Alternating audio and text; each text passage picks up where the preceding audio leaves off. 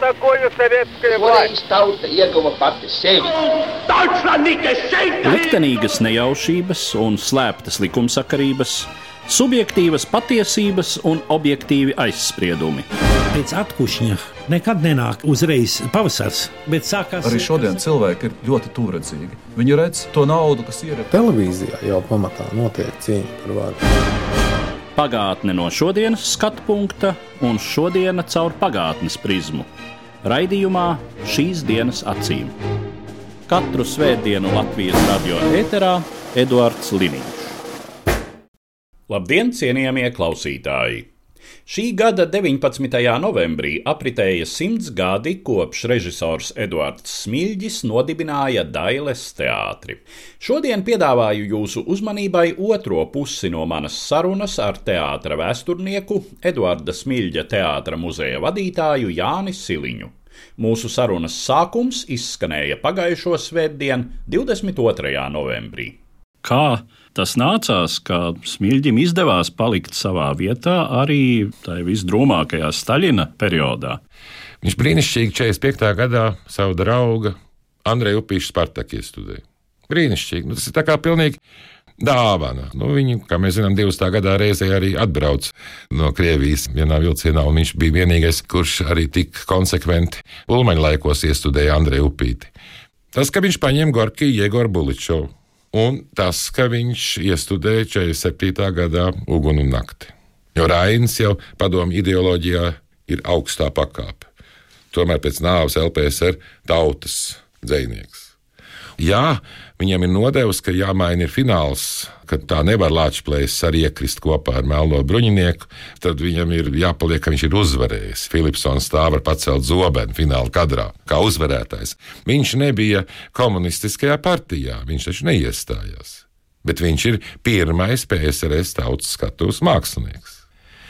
Un tad mēs tur kādreiz bijām ar to, ka viņam bija sadraudzības biedrībā Latvija PSRS savā laikā bijis, nu viņš pazina, taču tā īro ļoti labi, nu, no tā īro mākslas viņš varbūt pat vairāk ir ietekmējies nekā citam un sarakstījies un vēl pazina visus tos jau padomju savienības meistarus.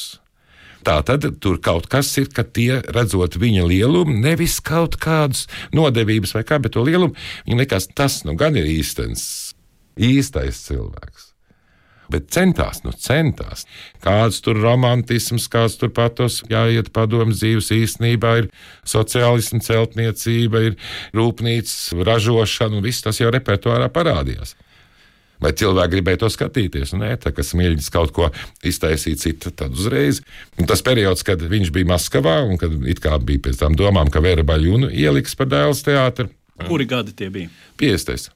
Tad, kad uh, ieliks viņu, kā Līvija akurāte ir arī kādreiz viņa tajā brīdī, kad beidz teātris institūtu, tur strādāja un literārā daļā.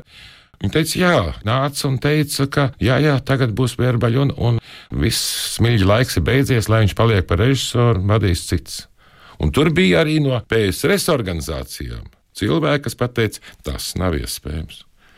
Smilģis visu vēl var darīt. Un paiet laiks, un atbrauc konsultanti. Viņi iestudē mirušās dvēseles ar konsultantiem, īstie padomju, pareizie.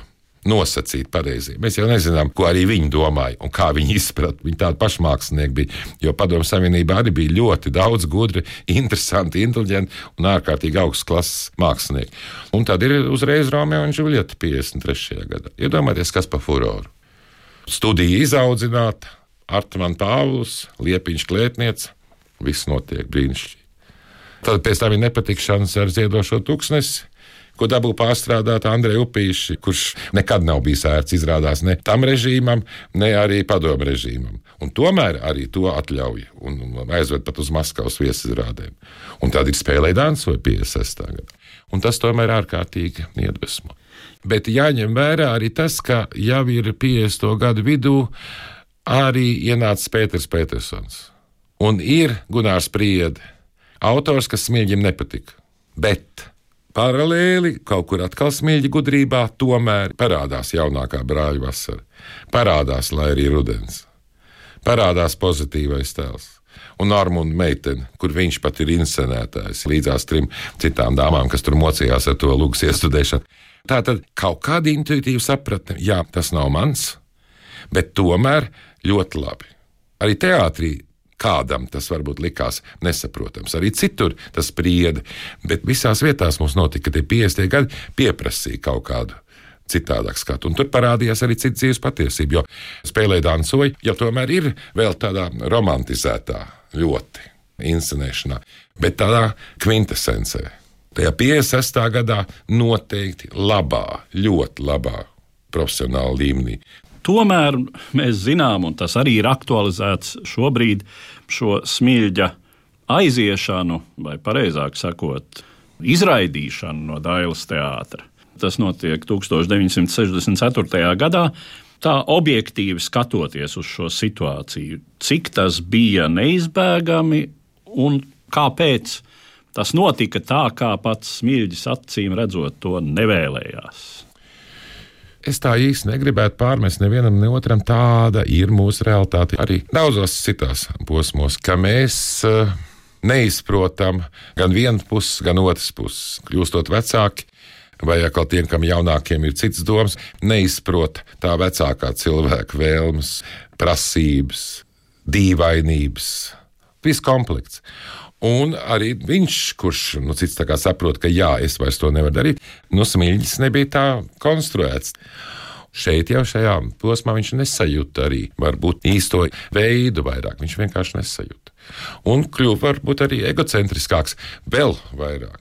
Un tad, kad stājās darbs, kā ir teikuši laika biedri, kas stājās darbs, nu ir kaut kas jāatrisina.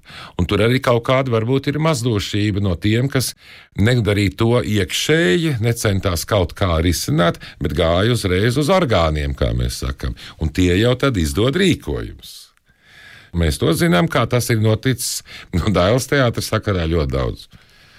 Jā. Dažu labu reizi. Dažu labu. Dažu labu arī tajos gadījumos, kur ir rakstīts, ka viņu arī atstādīja, bet mēs atrodam dokumentu, kur ir uzrakstīts atlūgums. Tas ir Pēters Petersons sakarā. Un šī gadījumā arī faktiski dēls teātrī nemācīja. Nu, man ir tur tādas savas teorijas arī par visu to. Kāpēc tas bija, bet Smilģis kaut kādā mērā noteica pats ar savu personību, ka tāds būs pavērsiens. Pēters Petersona laiks, šie gadi, 60. gadu otrā puse. Latvijas vispār mākslas un kultūras procesiem ļoti būtisks periods. Cik lielā mērā Petersons mēģina turpināt to, kas ir smilģa liktais pamats. Nu, protams, viņš ir cita konstrukcija. Viņš, protams, no bērnības pazīst Edvardu Smilģi. Viņa ģimene draudzējās ar Edvardu Smilģi un Krusdēls un vispārējais. Un ir kaut kāda pietāte, un ir kaut kāda arī, nu, tāpat kā kādreiz pret saviem vecākiem arī ir tā, ka liekas, nu, pagaidiet, pagaidiet, es jau pats zinu, kā vajag. Ja man vienmēr patīk Pēters Liepiņš, kā viņš raksturoja Pēteru Petersonu. Pēters Liepiņš bija viņa audzēknis. Un ka viņš kaut ko gribēja teikt, es gribēju tā, pagaidiet, pagaidiet, pagaid, man pašam ir savas domas. Nemaisies man ar savām domām, Pēters Petersons teica. Petersons arī bija bagāta fantāzija, arī unikāls cilvēks. Un varbūt pār pārējiem nespēja koncentrēties tikai vienam Tā varbūt ir arī tāda zināmā vaina, jo viņš gan tulkoja, gan dzēja rakstīja, gan lūgas rakstīja, gan sabiedriski, gan režiju, ļoti daudz ko. Uguns un nakts iestudējums 65. gadā. Tas ir tāds savu veidu vēlēšanās parādīt, ka no 47. gada, kad bija tas, kas noteica pēc kara augsto profesionalitāti, ka tagad es, Pēters Petersons, kurš tajā laikā bija tur tas sarks, stāvēja ar šķēpu, pie lāča plēša, ka tagad varēs izdarīt. Un citādāk parādīšu, ka ir citādāks teātris. Padaļai tas izdevās. Varbūt pārāk radikāli, jo Raina Lūga jau pilnīgi sadzīviskot nevar. Tur tomēr prasa arī zinām, nosacītību un metaforu. Bet es domāju, ka ar citiem materiāliem viņš ienes savā veidā balstītu smilģi, bet arī citu izteiksmes veidu. Atkārtot neviens nevar. Un tas ir svarīgi, ko es sākumā teicu par astoņiem vai kādiem gadu cikliem. Bija jānāk kaut kādam citādākam teātrim. Un to īso periodu, kamēr Petersons vadīja, jā, ar visām kļūdām. Arī ar to, ka daudz netalantīgi cilvēku tur viņš deva iespēju iestudēt izrādes. Bet arī parādījās eh, ļoti interesants lietas viņa paša iestudējumos. Kaut vai Imants Ziedoņa motocikls, arī ļoti interesantā latviešu teātrim simtgadē veltītā izrāda, lai top, kur viņš kopā ar vecmeistariem, ar visiem izrisināja šo teātrālo latviešu vēstures būtību. ar taču filmu top padomju. Tā laika aktuāla dramaturgija par mākslinieku likteni, kur Ulrichs Pūcīts, kā etalons 66. gadā, kā jaunā tipa aktieris, daudz varēja pieņemt, nepieņemt, bet kaut kādā mērā parādījās. Ko es rakstīju, atgriežoties 64. Gada rudenī, atgriežoties teātrī, kad man nācās uzņemties šī teātra vadība. Par repertuāru atveras plašs, ne jau jauns, bet tomēr pārāk maz staigāts skatuviskās darbības lauks tieši mums darbības teātrim. Es tā nosaucu toreiz daļas teātri, kad es teicu darbības teātris. Cilvēka dvēseles dzīves mikropasaule sevī slēpj veselu kosmosu, tāpat kā vielas sīkdaļa atoms, kad to sāka pētīt mūsdienu fizika, atklāja veselu mikrokosmu sevī un nemazāk sarežģītu par bezgalu pašo galaktiku. Un tāpat kā bija jāformulē jaunas fizikas likumības, jārada jaunas mehāniskas nozares, lai izpētītu šo mazo atomu apslēpto kosmosu, arī šodienas cilvēku skatuviskajai izpratnē jāmeklē jaunas, precīzākas metodas par līdzinējām. Cilvēku attieksmi viņu daudzšķautnainība, viņu savstarpējā iedarba rakstura atklāsme un pats galvenais cilvēkā slēpto pozitīvo radošo spēku atraisīšana cilvēku pārveidošana, cik bezgalīgi daudz šis pilns Latvijas darbības materiāls. Nu, tad ir daži teikumi no vienas tādas mazas deklarācijas, un sekoja citas. Teiksim tā, ziedoņa citāts. Mēs vēl nedarām visu, ko cilvēks var un drīkst. Vajag atraisīties. Šī teze un mūsu literatūra, sevišķi dramaturgija, mēs neprotam radīt tēlus, kuri dara visu, ko cilvēks var un drīkst. Cilvēkus, kas uzspridzina potences, jaunus cilvēkus no esošajiem, mēs rādām tikai esošo, bet vajag tādu, kāds tas varētu būt. Tajā slēpjas paraugs. Rakstnieks taču rada jaunu pasauli, nevis tikai atspoguļo. Daudzu dramaturgu kļūda ir tā, ka viņi neuzdrošinās rakstīt asāk tālāk par redzēto sastapto. Uzgleznojot mopsi tādu, kāds tas ir, ir radīts nākošais mopsis, kā teica Goethe. Kaut arī pozitīvais mopsis. Tur dažādi zīmētos konflikts pēc tam ar Arnoldu Liniņu, bet Arnolds Liniņš jau var ienākt Dāvidas teātrī jau Petersona laikā. Gan kā studijas pedagogs, bet arī ar iestudējumu. Marcikevičs iet. Tā kā vēlēšanās atrast kaut ko jaunu. Un scenogrāfijā, scenogrāfijā Pēters Petersons. Viņš agrāk jau Pāvils Šenhofs bija ņēmis no 50. gada beigās, bet šeit Kurts Friedrichsons parādās, kurš nav scenogrāfs un kurš atkal iedod kaut kādas jaunas krāsas, vai tā būtu motociklā, vai tas būtu Dostojevski idiotā 69. gadā. Ja Smilģim visu laiku bija tas uzticīgais palkaunieks direktors, tāds, kas varēja noturēt un stāvēja un krita par to, ko dara Edvards Smilģis, gan arī līdz pēdējiem. Tad Petersonam tajā brīdī tāds netrāpījās. Man vispār domājot par visu šo situāciju un Es neesmu, protams, pētījis Pētera Petersona personību un neesmu bijis arī ar viņu pazīstams. Bet, um, manuprāt, ja par smilģi mēs sakām, ka smilģis diezgan labi jutās arī padomju totalitārismu situācijā, spēja tai pielāgoties un pat izmantot dažus momentus savā labā, tad Petersons laikam bija tādai padomju konjunktūrai un visai šai arī kultūras administrēšanas sistēmai pielāgoties nespējīgs. Un tāds arī neparocīgs, neparocīgs. Tomēr arī pēc viņa rakstura, pēc viņa izpausmēm, diezgan ironiskām un diezgan skarbām. Un ka kādreiz arī varbūt kur vajag kaut kā pietaupīt. Tajā laikā, ja cilvēks zina izcili bez latviešu un krievu valodas, zina franču un vācu valodu, tā īsti nevajag būt. Nav mūsu cilvēks. Nav mūsu cilvēks. Man ir bijusi izdevība, protams, vēlākos gadus ar viņu gan kopā strādāt, gan tāpat sarunāties. Tad, kad 98. gadā viņš nomira, un tajā gadā nomira gan Arnolds Liniņš, gan Harijs Liepiņš, viss vienā gadā. Tad pilnīgi pārliecība bija dažādu laiku, dailes, teātra, vīzija, tēls beidz pastāvēt.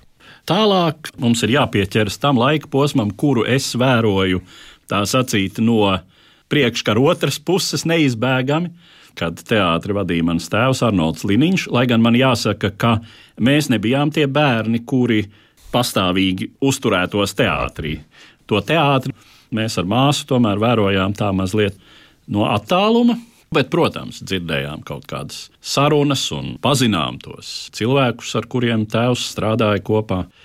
Tas laiks, protams, ir visai sabiedrībai ļoti pretrunīgs un arī smags. Tas ir periods, ko mēs saucam par Brežņeva stagnāciju.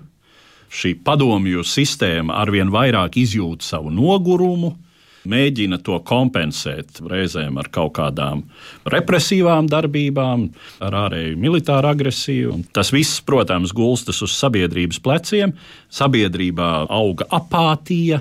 Mēs zinām visu to alkoholismu problēmu, kas sakuplotajā laikā.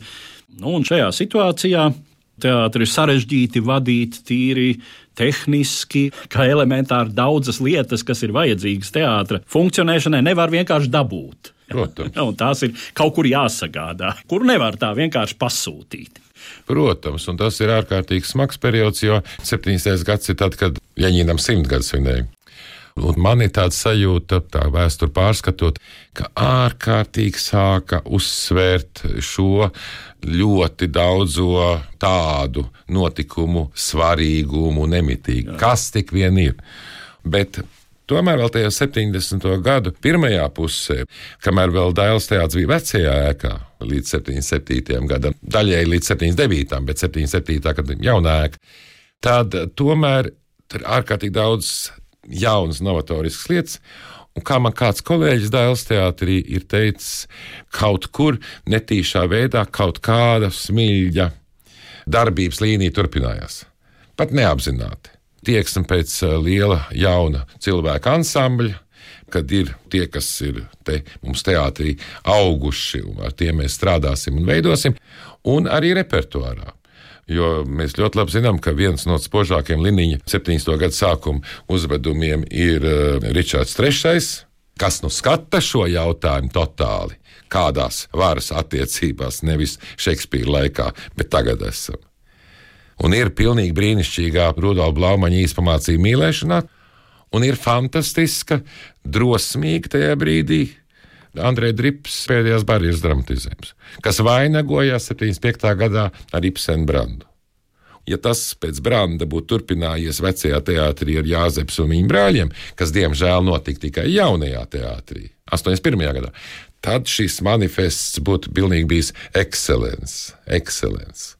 Jo tad parādītos arī tas gan psiholoģiskajā teātrī, gan inscenēšanas mākslā citādais dēls teātris. Bet, manuprāt, jaunā konstrukcija, jaunais teātris, jaunā mašinērija sagrāva arī fiziski un tehniski, un arī aktieris kaut kādā ziņā pakļāva briesmām. Bet pakļāva arī ideoloģiju, jo to zāli cēla, to teātri un skaidri bija izlēmts, ka tur jau ir jānotiek visiem partijas kongresiem un tam līdzīgi. Lielākas zāles jau Latvijā nebija.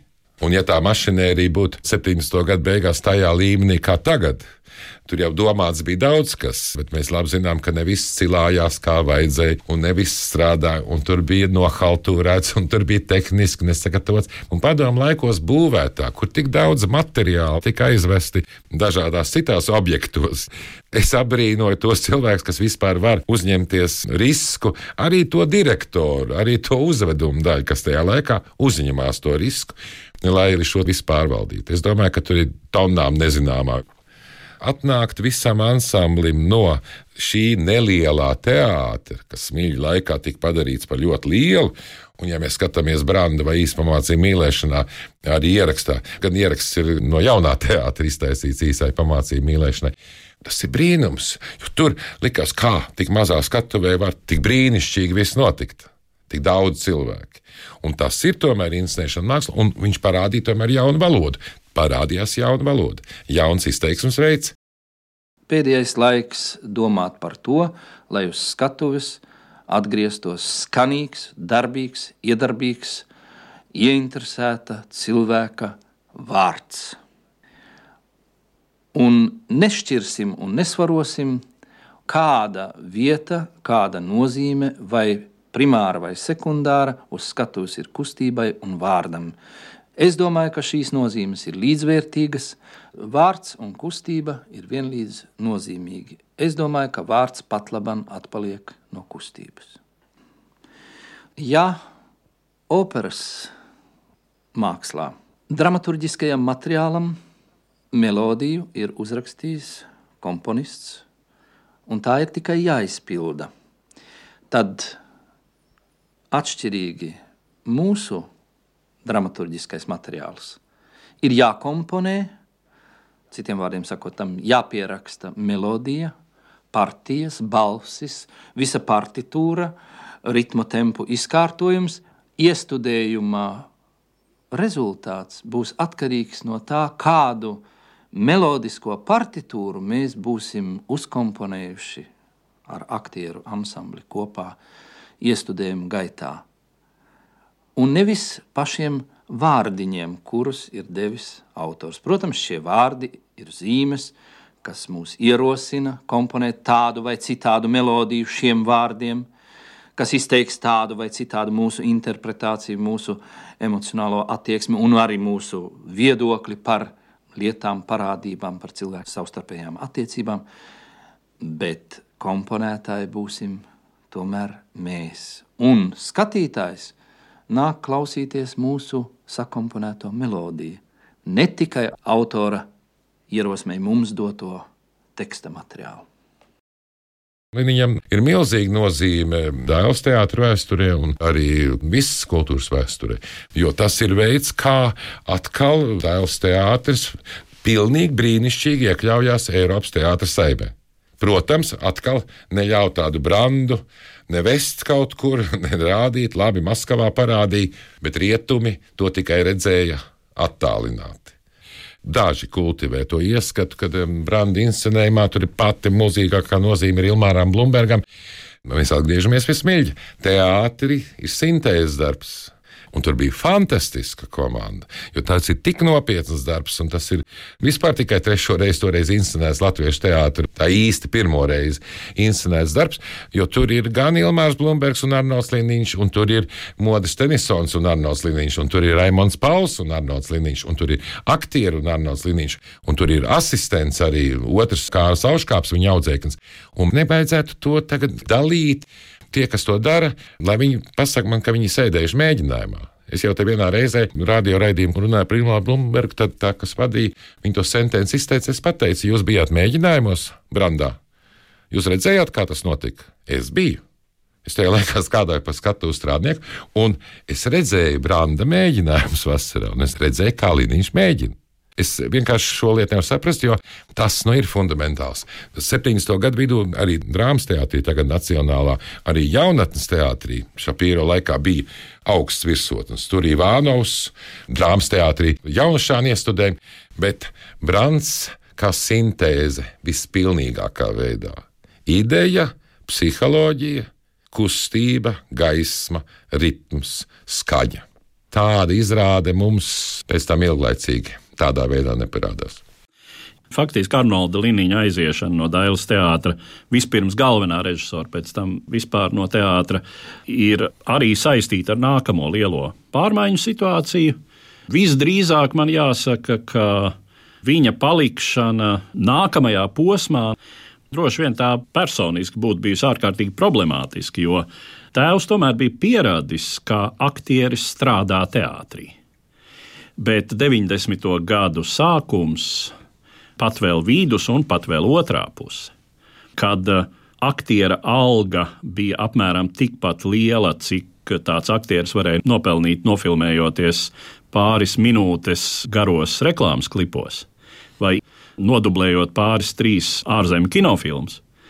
Un, protams, šie cilvēki gribēja normāli dzīvot, viņiem bija jānodrošina savas ģimenes, un teātris kļuva par tādu uh, otršķirīgas piestrādāšanas vietu. Attiecīgi, protams, neapskaužamā situācijā bija nākamais Dailas teātris vadītājs, proti, Kārls Auškāps.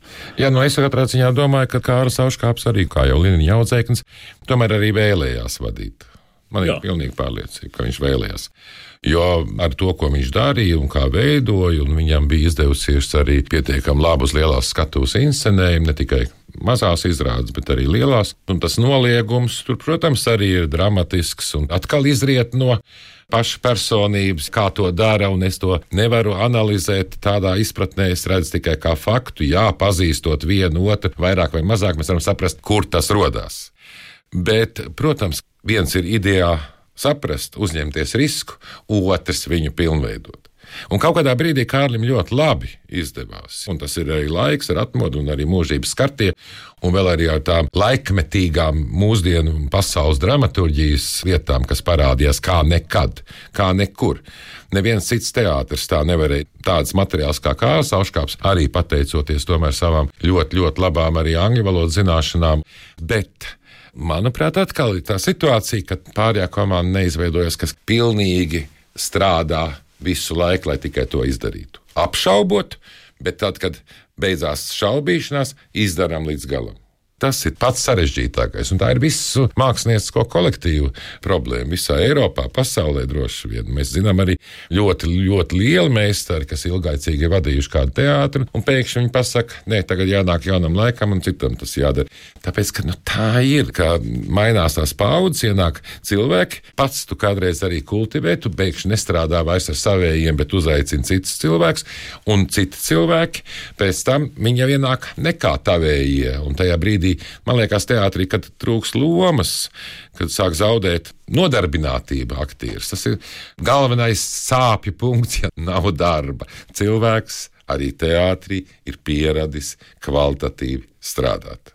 Par laimi, apmēram ap gadu tūkstošu mīju tā vispārējā ekonomiskā situācija un arī zināmas izmaiņas Latvijas kultūra politikā ļauj jau teātrim tā justies daudz maz stabili teiksim, aktiera profesija vairs nav tikai eh, entuziasma un tādas zināmas upurēšanās situācija.